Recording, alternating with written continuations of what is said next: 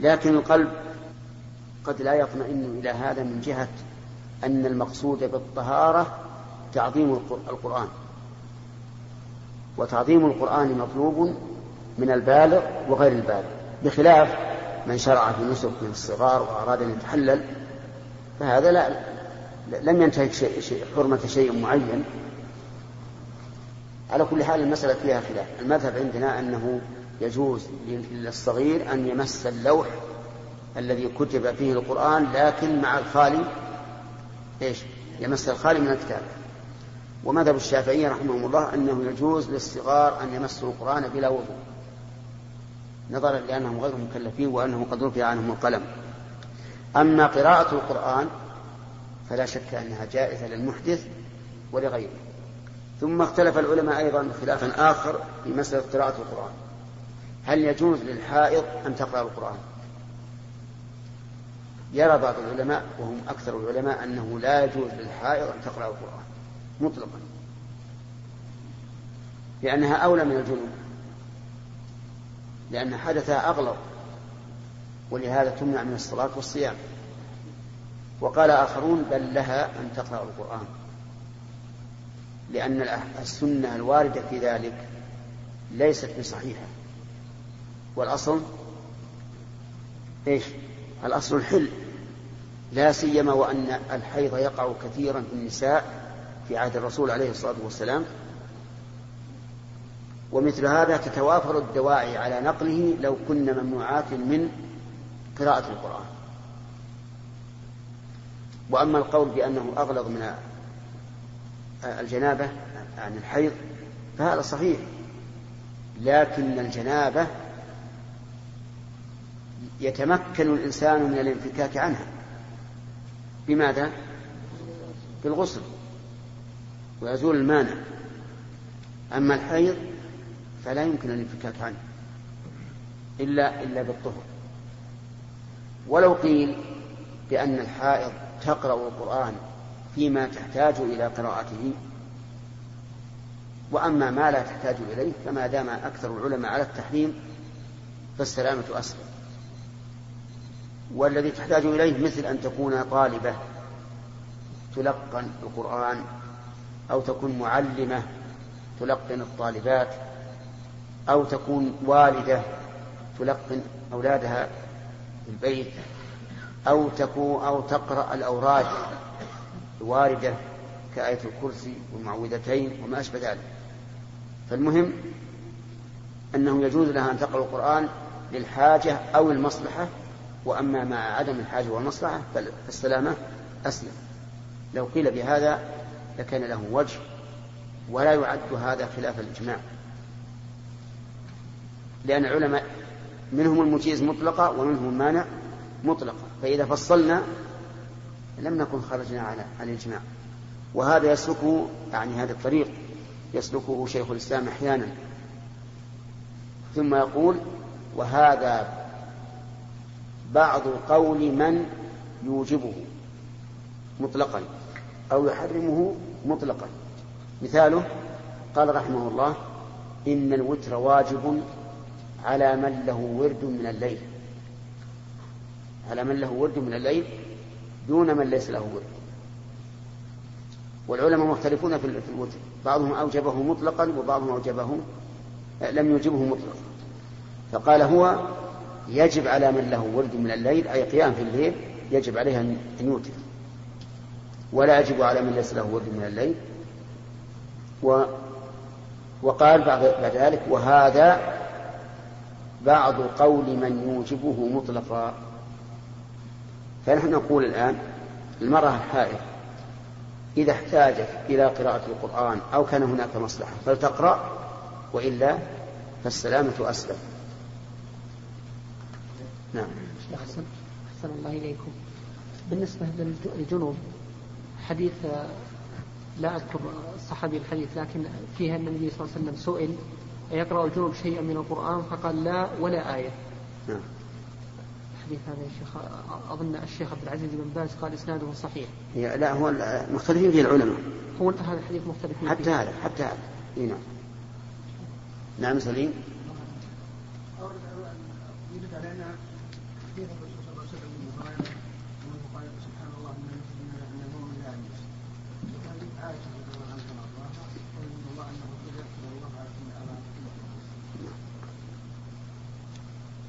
وش الاشكال؟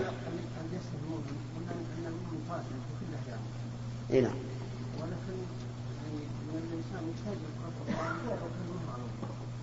نعم نقول اقرأ القرآن ولو على غير ما في إشكال. لكن مس المصحف غير قراءة القرآن.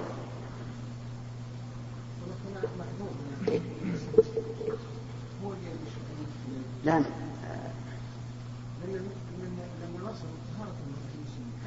نعم.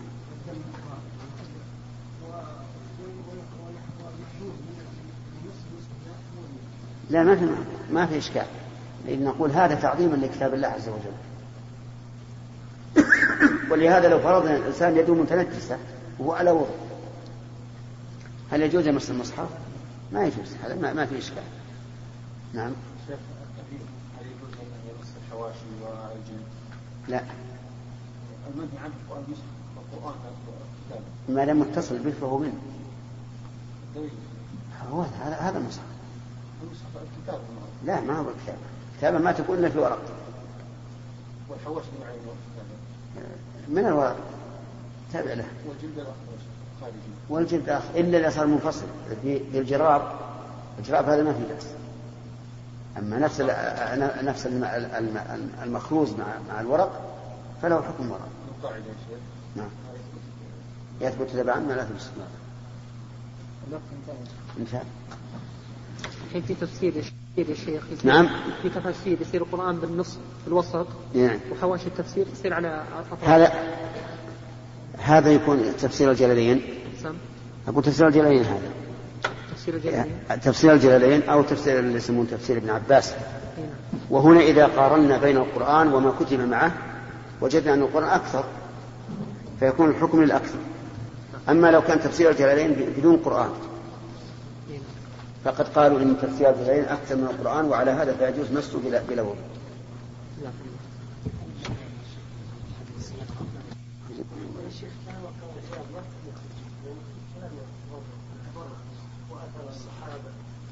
شو هذا الأخ عمر يقول بس شد الرحل وش يقول؟ اقرأ يا خالد بسم الله الرحمن الرحيم. بسم الله. فكان فكان كل ثابت الإيمان. منشرح الصدر به يرحل إليها ثم بعد ذلك في كل وقت إلى زماننا. لزيارة قبر النبي صلى الله عليه وسلم والتبرك بمشاهده وآثاره وآثار الصحابة الكرام. فلا يأتيها إلا مؤمن. هذا كلام القاضي والله أعلم بالصواب. التبرك بمشاهدته ها. نعم. وآثار.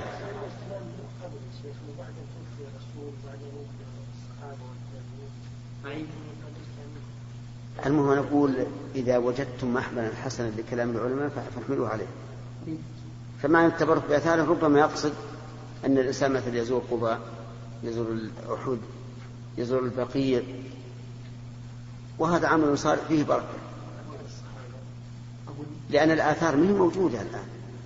يعني آثار الصحابة في عهد القاضي الرياض ما هي موجودة. قد اندرست. أقول يا شيخ للفائدة أحسن الله إليكم. أخونا يوسف القاضي درس كتاب الشفاء للقاضي عياض في رسالة الماجستير. نعم. دراسة كاملة يعني وبحث في كل الكلام اللي يتكلم فيه القاضي في كتاب الشفاء والشمائل. نعم. عن النبي عليه والسلام. لكنها لم تخرج حتى الآن. لم إيش؟ لم تخرج الرساله حتى الآن لأنها لم تناقش بعد. على كل حال لا شك إن القاضي عياض من الناس الذين يعني يتبركون. حتى آه، نقلوا عن عن القاضي عياض في مسألة القبر وكذلك عن ابن عقيل أن القبر الكعبة أفضل منه. وأما والنبي صلى الله عليه وسلم فيه فإنه لا, لا يعدله شيء أفضل حتى من الكعبة. أي أي نعم. قال فلا والله ولا العرش وحملته ولا الكعبة. رحمة الله عليه نعم. نعم. الصوفية الله يكفينا شرهم كل شيء يفرحون حتى حتى لما قال الرسول لا يقول حتى لا يقال الله الله هذا عباد الله يقول انهم استدلوا بهذا الحديث. على ذكرهم الذي لا, لا أصل له.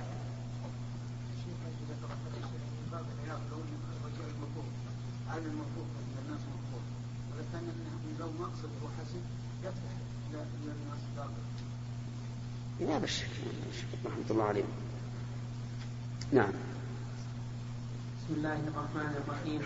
الحمد لله رب العالمين والصلاة والسلام على نبينا محمد وعلى آله وصحبه أجمعين. قال الإمام البخاري رحمه الله تعالى في كتاب الوضوء من صحيحه في باب قراءة القرآن بعد الحدث وغيره.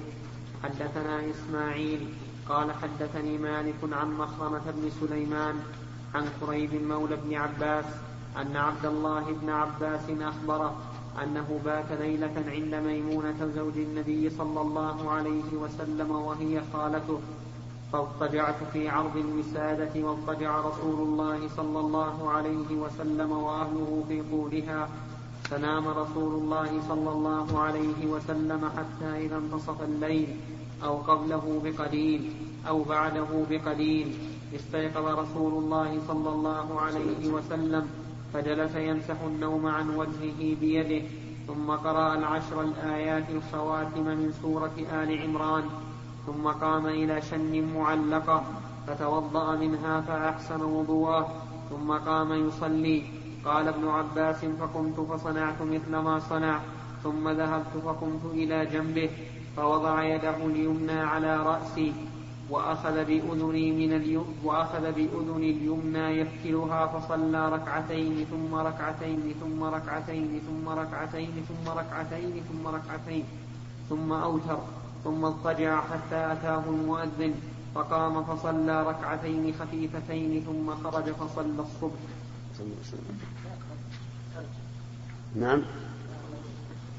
في آثار في في في الترجمة باب قراءة القرآن بعد الحدث وغيره تكلمنا عليه.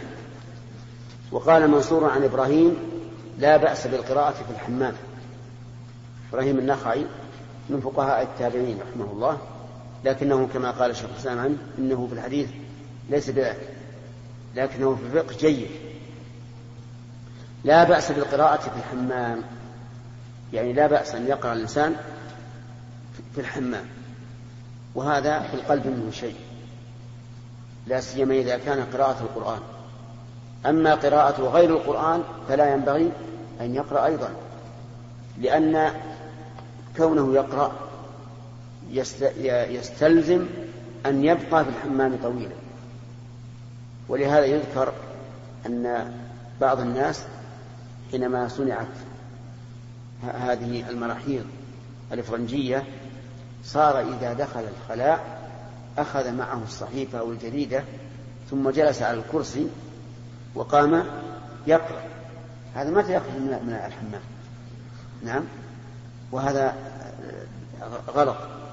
ولهذا ينبغي للإنسان أن لا يبقى في الحمام إلا بمقدار الحاجة فقط. ويخرج. قال ولا بأس أيضا بكتب الرسالة على غير الوضوء. وإنما ذكر كتابة الرسالة على غير وضوء لأنه سيكون فيها بسم الله الرحمن الرحيم وهي من القرآن. ومعلوم أن القرآن لا يمسه إلا طاهر لكن ما كتب على الورق مما ولم يقصد به القرآن فإنه لا ليس له حكم القرآن. ولهذا نقول إن الجنوب لو قرأ آية من القرآن لا يريد القراءة وإنما يريد الدعاء فلا بأس. أو يريد الثناء فلا بأس. فلو قال الجنوب حين فرغ من أكله مثلا الحمد لله رب العالمين. يريد بذلك الثناء على الله فلا حرج عليه. ولو قال ربنا لا تزغ قلوبنا بعد إذ هديتنا وهب لنا من لدنك رحمة إنك أنت الوهاب. يريد بذلك الدعاء فلا بأس. وقال حماد عن إبراهيم إن كان عليه إزار فسلم وإلا فلا تسلم. يعني في الحمام إذا مررت بقوم وعليهم أزر فسلم. وإن كانوا ليس عليهم أزر فلا تسلم. ولكن لا يمكن أن يكون أن لا يكون عليهم أزر إلا وهم في داخل الحمام بينك وبينهم جدار. لكن قد تسمع صوتهم أو تحريك الماء. فالمهم أنه يقول سلم ولو في الحمام. إذا كان عليهم أزر أما إذا لم يكن عليهم أزر فلا تسلم. شوف الأثر هذا.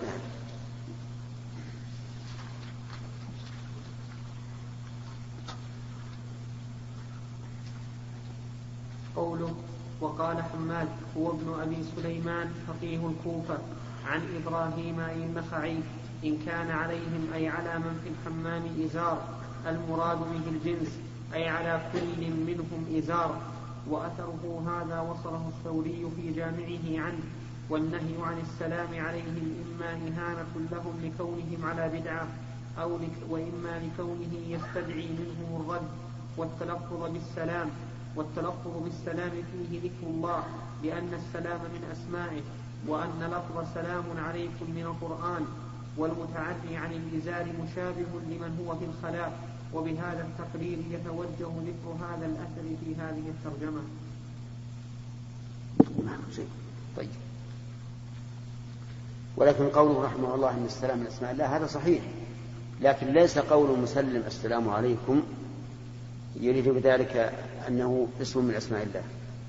وإنما يريد الدعاء للمسلم عليه بأن يسلمه الله. هذا هو هذا هو الصحيح. في حديث ابن عباس رضي الله عنهما فيه فوائد وهو جواز البيتوتة عند الرجل وأهله وهذا يشترط له شرطان الشرط الأول إذن الزوج والزوجة والشرط الثاني أن لا يكون في ذلك إحراج عليهما فإن كان في ذلك إحراج فإنه لا يجوز. وفي أيضا أن الرسول عليه الصلاة والسلام كان يقوم الليل مبكرا. إذا انتصف الليل أو قريبا منه قبله بقليل أو بعده بقليل. وكان صلى الله عليه وسلم يقوم إلى أن يبقى سدس الليل تقريبا ثم ينام حتى يؤذن الفجر. هذا أكثر أحيانا وربما واصل القيام. وفيه أيضا مشروعية مسح النوم عن الوجه. لأن ذلك يوجب أن أن يطير النوم عنك. إذا قمت فامسح النوم عن وجهك فإنك تجد نشاطا. وفي مشروعية قراءة العشر آيات الخواتم من سورة آل عمران من قوله تعالى إن في خلق السماوات والأرض واختلاف الليل والنهار لآيات لأولي الألباب. وقد ورد في بعض ألفاظ هذا الحديث أن الرسول رفع رأسه إلى السماء وقرأ هذه الآيات. وفي أيضا آه، جواز الوضوء من الشن المعلق ولا يقال إن في هذا إتلافا للماء الذي يشرب. ما دام الأمر فيه ما دام الأمر فيه سعة فتوضأ من الماء الذي أعد للوضوء أو الماء الذي أعد للشرب. لكن لو كانت الشن موقوفة للشرب فإن العلماء نصوا على أنه لا يجوز للإنسان أن يتوضأ منها. وهل ينطبق ذلك على البرادات الآن التي في الأسواق؟ نقول ينطبق إذا كان في وضوئك منها تضييق على الشاربين. أما إذا لم يكن فمن المعلوم أن أن هذه البرادات أنها منصوبة على الماء الذي لا ينظر إلا أن يشاء الله فلا يضر الوضوء منها. ومن ومما فيه من الفوائد إحسان الوضوء وأنه كلما أحسن الوضوء رحمك الله كان أولى. ومن فوائد هذا الحديث أيضا جواز الائتمام وإن لم ينوي وإن لم ينوه الإمام. لأن النبي صلى الله عليه وعلى آله وسلم لم يكن عنده علم بأن ابن عباس سيصنع مثل ما صنع. وهذه المسألة مختلف فيها. فمن العلماء من يقول الشرط نية المأمون فقط وأما الإمام فلا يشترط أن ينوي أن أن معه مأموما. واستدلوا بمثل هذا الحديث وبكون النبي صلى الله عليه وعلى آله وسلم صلى في رمضان ولم يعلم بأصحابه الذين صلوا معه إلا بعد. وهذا مذهب مالك وعليه. فلو دخل جماعة ووجدوا شخصا يصلي فقاموا يصلون وراءه وهو لم يعلم بهم فإن ائتمامهم به صحيح. ومن فوائد هذا الحديث أيضا جواز نية الإمامة والائتمام في أثناء الصلاة. لأن النبي صلى الله عليه وسلم إنما نوى حينما دخل معه عبد الله بن عباس. وهذه المسألة فيها خلاف. فمن العلماء من قال لا يجوز أن ينوي المنفرد الإمامة لا في الفرض ولا في النفل. ومنهم من قال يجوز في الفرض والنفل. ومنهم من يقول يجوز في النفل ولا يجوز في الفرض. يعني لو أن الرجل قام يصلي وحده ثم جاء إنسان آخر وصلى معه ليكون هذا المصلي إماما له. فالمشهور من المذهب مذهب الحنابلة رحمهم الله أنه لا يجوز. لا يجوز أن تدخل مع مع إنسان يصلي وحده لا في الفرض ولا في النفل. ومن أصحابنا كالموفق وصاحب زاد المستقنع من قال يجوز في النفل ولا يجوز في الفرض لحديث ابن عباس رضي الله عنه. ومنهم من قال يجوز في الفرض والنفل. أي يجوز أن ينوي المنفرد الإمامة في الفرض والنفل وهذا القول هو الراجح. وأن الإنسان لو صلى إماما منفردا ثم جاء جماعة أو جاء رجل واحد وصلى معه فلا بأس. ووجه الاستدلال من هذا الحديث أن ما ثبت في النفل ثبت في الفرض إلا بدليل. ومن فوائد هذا الحديث أن أنه يجوز أن الحركة تجوز إذا كان ذلك لمصلحة الصلاة. فإن الحركة هنا حصلت من النبي صلى الله عليه وعلى آله وسلم ومن ومن ابن عباس. ومن فوائد هذا الحديث جواز فتل الأذن. وما معنى فتلها؟ تدويرها هكذا. نعم. لكن يشترط أن لا يكون في ذلك أذية على من فتلت أذنه. والفتل ليس هو المصر المصر الذي يجرها. فإن جرها لا شك أنه ضرر. بعض الناس الآن يفعل بأولاده بالصفيان يفعل هذا. يعني يمصع الأذن. وهذا غلط. يعني ربما تتبتر العروق وهو لا يعلم. أما فتلها فالأمر سهل. لا سيما إذا كان في شحمة الأذن فإنه يسير. ومن فوائد هذا الحديث آه، أن صلاة الليل ركعتين ركعتين. يقول صلى ركعتين ثم ركعتين ثم ركعتين ثم ركعتين ثم ركعتين ثم ركعتين ثم ركعتين ثم أوتر. كم صارت؟ ثلاثة عشر. فإذا أوتر بثلاثة عشر فإنه يصلي ركعتين ركعتين. فإذا قال قائل المشهور عند العلماء أن أكثر الوتر إحدى عشرة ركعة. فالجواب أن يقال إما أن هذا غير مسلم وأن أكثر الوتر إما ثلاثة عشرة وإما إحدى عشر أو يقال إن الركعتين الأوليين هما الركعتان اللتان يفتتح بهما النبي صلى الله عليه وعلى آله وسلم صلاة الليل. وهما ركعتان خفيفتان. ولهذا ينبغي للإنسان أن يفتتح صلاة الليل بركعتين خفيفتين. لأن النبي صلى الله عليه وسلم كان يفعل ذلك وأمر به أيضا. والحكمة من ذلك أن الشيطان يعقد على قافة الإنسان إذا نام ثلاث عقد. تنحل العقد الأولى بذكر الله إذا استيقظ والثانية بالوضوء والثالثة بالصلاة. ومن ثم كان المشروع في هذه الصلاة أن يخففها حتى تنحل العقد بسرعة. وفيه أيضا قول ثم اضطجع حتى أتاه المؤذن دليل على أن النوم لا ينقض الوضوء. لأنه لم يذكر أنه توضأ حين أتاه المؤذن بل قام فصلى ركعتين خفيفتين. ووجه الاستدلال بالحديث أن أن النبي صلى الله عليه وعلى آله وسلم أسوة أمته.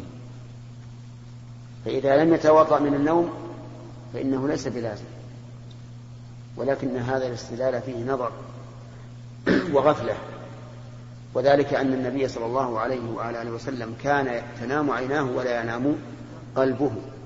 ولهذا قال العلماء من خصائصه أن نومه لا ينقض الوضوء مطلقا سواء طال أم قصر. وعلى هذا فيبطل الاستدلال بهذا الحديث على أن النوم لا ينقض الوضوء. ومن فوائد هذا الحديث أنه أن أن أن الإمام ينبغي له أن يبقى في بيته إلى أن يحين وقت الصلاة وأن يصلي الراتبة في البيت. لأن النبي صلى الله عليه وسلم لما جاء أتاه المؤذن قام فصلى ركعتين خفيفتين ثم خرج فصلى الصبح. ومن فوائده تخفيف ركعتي الفجر. حتى كانت أم المؤمنين عائشة رضي الله عنها تقول أقرأ بأم الكتاب من شدة تخفيفه. وهذا هو السنة أن يخفف ركعتي الفجر وهل هناك سنة أخرى الأفضل فيها التخفيف؟ ركعتي الطواف. نعم. لا لا. وإذا دخل المسجد والإمام يخطب فإنه يصلي ركعتين خفيفتين. الرابع قال بعض العلماء وإذا صلى سنة المغرب التي قبلها فإنه يصليها خفيفة. وذلك لأن الأحاديث وردت بأن النبي صلى الله عليه وعلى آله وسلم يصلي المغرب مبكرا وأمر أن نصلي قبل المغرب. قال صلوا قبل المغرب فيلزم من ذلك أن تكون ركعتان خفيفتين. نعم. الله ما يؤخذ من الحديث فائدة طريفة في صفة النبي عليه الصلاة والسلام الخلقية وذلك أنه وضع يده اليمنى على رأس ابن عباس وهو على يساره. نعم. وهذا يلزم منه أن يد النبي عليه الصلاة والسلام كانت طويلة. إيش أن؟ أن يده كانت طويلة. إيه؟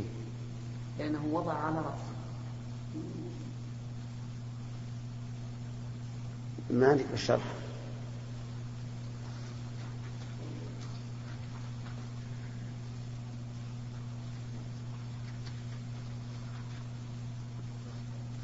هي أنت أنت تظن أنه من الخلف ولا من الأمام؟ نعم. وضع يده اليمنى على رأسه من الخلف ولا من الأمام؟ هو إذا قلنا من الأمام ما في إشكال. من هذا سهل أن يقول به النبي عليه الصلاة والسلام هكذا وضع يده على رأسه. لكن من خلف؟ هو ما جاء من في لفظ آخر أنه من الخلف. نعم. نسأل. أنا والله أظن هذا على لفظ آخر فأخذ برأسه من خلفه. من ورائي. من ورائي. ولهذا لعله والله أعلم وضع يده اليسرى ولهذا نشوف الشرح ما ما تعرض لها ها؟ يأتي بكتاب إيش عند العيني؟ ها؟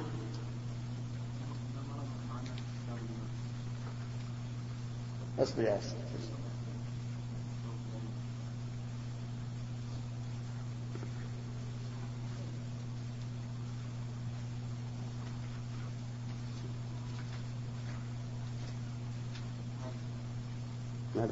طيب تراجع. تراجع هل, هل إن أنه قال وضع يده اليسرى على رأسه ومن بعض الرواة؟ وهم. لأن وضع اليمنى إذا كان إن أتى من الأمام فكيف يأخذ يأخذ ابن عباس من من, خل من ورائه؟ إن أتى من الأمام.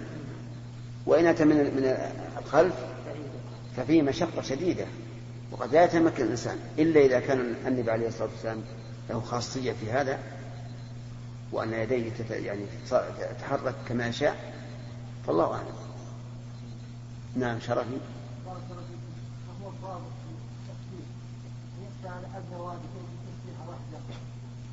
لا أدنى كمان ثلاث تسبيحات مثلا. نعم سليم.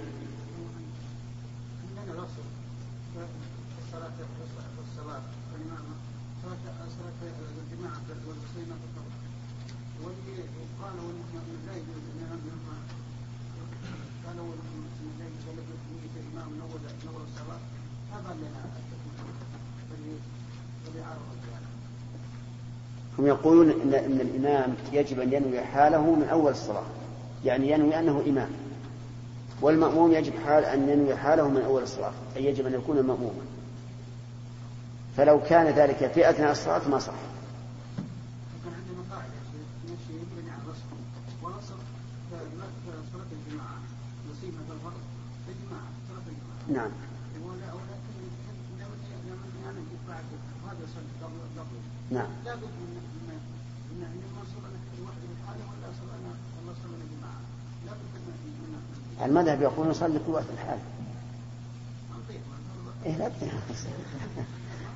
هذا هو الصحيح. الصحيح إنك ما تطيع. الصحيح إنك ما تطيع.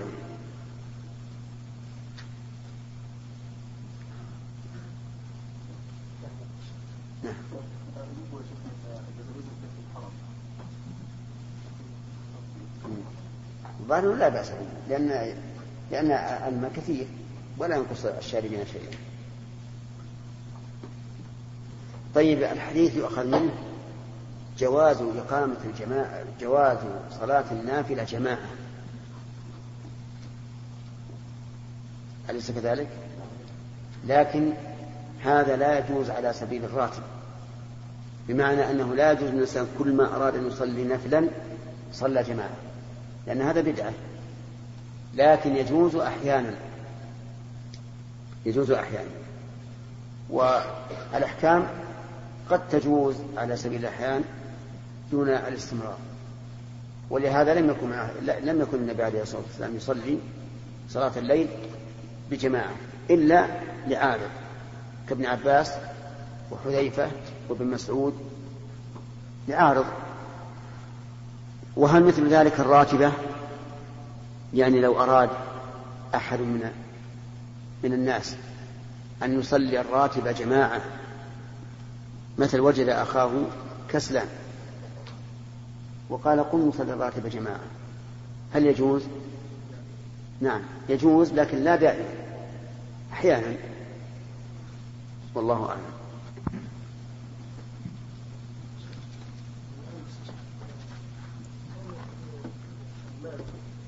نعم.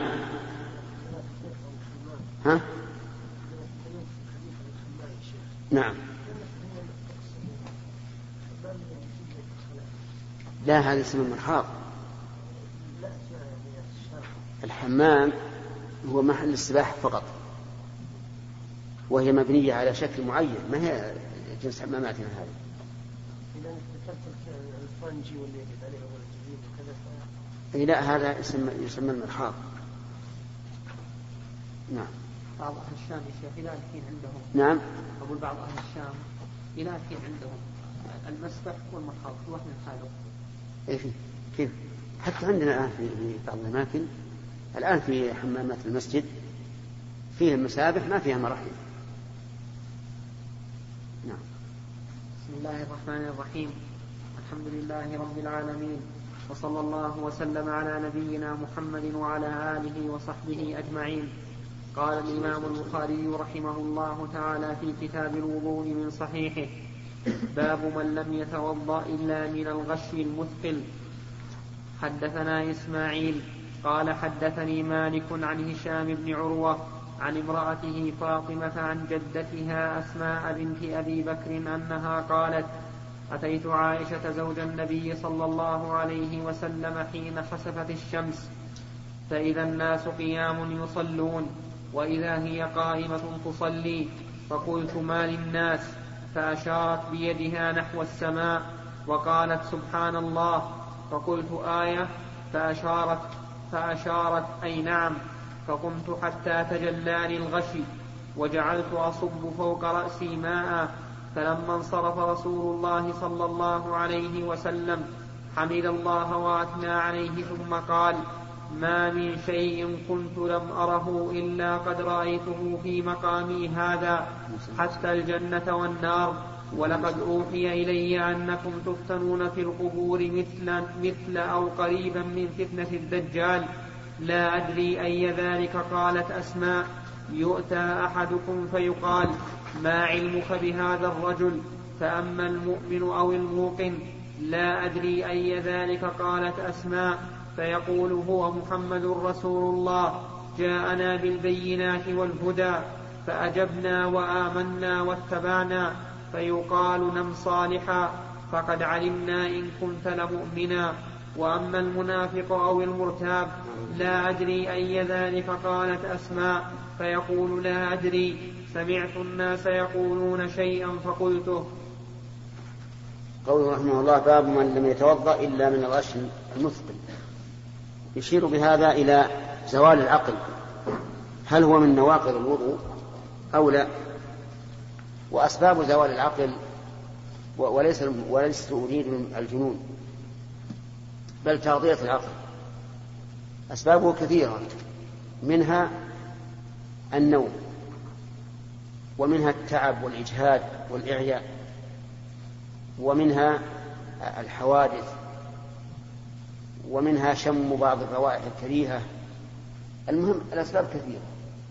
والمقصود أن يفقد الإنسان وعيه فهل يتوضأ أو لا يتوضأ؟ في هذا خلاف.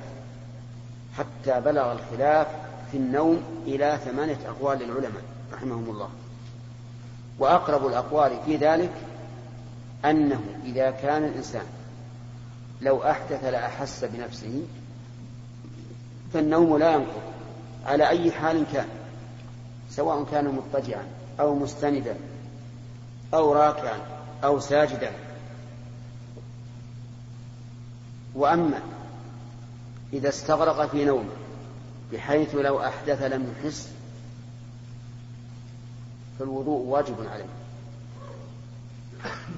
والحكمة ظاهرة. لأنه إذا كان لو أحدث لا أحس فقد علمنا يقينا أن أن وضوءه باق. وأما إذا وصل إلى حال لو أحدث لم يحس بنفسه فإننا لا ندري. والعين وكاء السهل فإذا نامت العينان استطلق الوكاء. هذا أقرب الأقوال في هذه المسألة. ولا تسأل هل هو قائم أو راكع أو ساجد أو مضطجع أو مستند. العبرة في الإدراك. متى فقد الإدراك وجب عليه الوضوء وإلا فلا. وعلى هذا فالغشي إن كان مثقلا فإنه يوجب الوضوء وإن لم يكن كذلك فإنه لا يوجب الوضوء. طيب فإذا قال قائل ألستم؟ آه نعم. أليس أبو هريرة رضي الله عنه فسر الحدث الذي قال فيه الرسول عليه الصلاة والسلام لا يقبل صلاة أحدكم إذا أحدث حتى يتوضأ بأنه حدث السبيلين. قلنا بلى. لكن النوم الثقيل مظنة خروج الخارج. الخارج منين؟ من السبيلين. فنحن لن نتعدى الخارج من السبيلين. حتى إذا قلنا بوجوب نقض بوجوب الوضوء من من النوم الثقيل. أما الحديث فيقول عن أسماء بنت أبي بكر رضي الله عنها وعن أبيها أنها قالت أتيت عائشة وصلة أسماء بعائشة. إيش؟ أختها. زوج النبي صلى الله عليه وسلم حين خسفت الشمس فإذا الناس قيام يصلون. متى خسفت الشمس؟ خسفت الشمس في السنة العاشرة في شوال في التاسع والعشرين منه. وأما من قال إنها في ربيع الأول في, في منتصفه فهذا لا ليس بصحيح. لأنه لا يمكن أن تخسف الشمس إلا في ليالي الاستسرار يعني اختفاء القمر وذلك في آخر الشهر. لو حدثك إنسان أن الشمس خسفت في اليوم العاشر فقل هذا كذب. فهمتم؟ ولا يمكن أن يخسف القمر إلا في ليالي الإبداع. لو حدثك إنسان أن القمر خسف في العشرين من الشهر نعم فقل هذا كذب. لا يمكن. لماذا؟ لأن سبب الخسوف والكسوف شيء معلوم. سبب الخسوف يعني خسوف القمر أن الأرض تحول بين الشمس والقمر. وهذا لا يمكن إلا إذا كان في زمن الإبداع حيث يكون القمر شرقا والشمس غربا. ولا يمكن أن يكون كسوف الشمس إلا في ليالي الاستسرار. يعني إذا كان القمر قريبا من الشمس. لأن سبب كسوف الشمس هو حيلولة القمر بينها وبين الأرض. وهذا لا يمكن في منتصف الشهر أو نحو ذلك. وهذا أمر متفق عليه بين علماء الفلك وكذلك المحققون من علماء الشرع كشيخ الإسلام ابن تيمية رحمه الله. قال إن الله أجرى العادة التي لا تبديل لها أن لا كسوف إلا في زمن إيش؟ الاستسراء ولا خسوف إلا في زمن الإبداع. وقال إن قول الفقهاء رحمهم الله لو وقع الكسوف في عشية عرفة الخسوف في عشية عرفة يعني خسوف القمر صلى قبل أن يدفع ثم دفع من عرفة. قال هذا التصوير شيء محال. قال وقولهم إن, إن الله على كل شيء قدير. نعم إن الله على كل شيء قدير. لو شاء لطمس نور القمر بدون خسوف. لكن الله أجرى العادة أن لا خسوف إلا في هذا الزمن ولا كسوف إلا في هذا الزمن. كسفت الشمس في اليوم الذي مات فيه إبراهيم رضي الله عنه ابن محمد رسول الله. وكان هذا الطفل يحبه النبي عليه الصلاة والسلام حبا شديدا. فمات. فحزن عليه الرسول عليه الصلاة والسلام. وجعلت تذرف عينه الدموع. وقلبه محزون. وقال العين تدمع والقلب يحزن. ولا نقول إلا ما يرضي الرب. وإنا بفراقك أو قال على فراقك يا إبراهيم لمحزونون. وأخبر صلى الله عليه وسلم أن له مرضعا في الجنة. لأنه مات قبل الفطار مات وله ستة عشر شهرا. رضي الله عنه. فجعل الناس يتحدثون. يقولون كسفت الشمس لموت إبراهيم. بناء على عقيدة جاهلية باطلة. أن الشمس لا تكسف إلا إذا مات عظيم وكذلك القمر. فشاء الله عز وجل بحكمته أن يكون الأمر واقعيا لإبطال هذه العقيدة الجاهلية. سبحان الله. يعني أجرى الله عز وجل هذا الأمر الحدث في موت إبراهيم في يوم مات إبراهيم لأجل أن يبطل هذا هذا الاعتقاد بطلانا تاما. كما أن النبي عليه الصلاة والسلام أمر الصحابة حين حج أمر الذين كانوا محرمين بالحج وحده أو بالقران أمرهم إيش؟ أن يجعلوها عمرة حتى تزول العقيدة الفاسدة في قلوب العرب أن العمرة في أشهر الحج لا تجوز. لما طلعت الشمس وارتفعت قيد رمح أو رمحين كسفت كسوفا كليا حتى صارت كأنها قطعة نحاس ولهذا قرأ النبي عليه الصلاة والسلام قراءة طويلة تدل على أن الكسوف دام ثلاث ساعات أو أكثر. ورعب الناس من هذا الكسوف الكلي. وأمر النبي صلى الله عليه وسلم أن ينادى الصلاة جامعة. فنودي بذلك فاجتمع الناس من رجال ونساء. مشهد عظيم. حتى النبي عليه الصلاة والسلام خرج من بيته يجر رداءه عليه الصلاة والسلام. بعد أن لحق به خرج من دون رداء ثم لحقوه به وجعل يجر رداءه فزعا. وأمر أن نفزع إلى ذكر الله وإلى دعائه وإلى التكبير وإلى الصدقة وإلى الصلاة وإلى العتق. كل هذا أمر به. لأن أمر الكسوف ليس بالأمر الهين. ثم اجتمع الناس. وجعل النبي صلى الله عليه وسلم يصلي بهم عليه الصلاة والسلام. وصلى صلاة طويلة طويلة. على كبر سنه لأنه في سنة عشر من الهجرة. كم عمره؟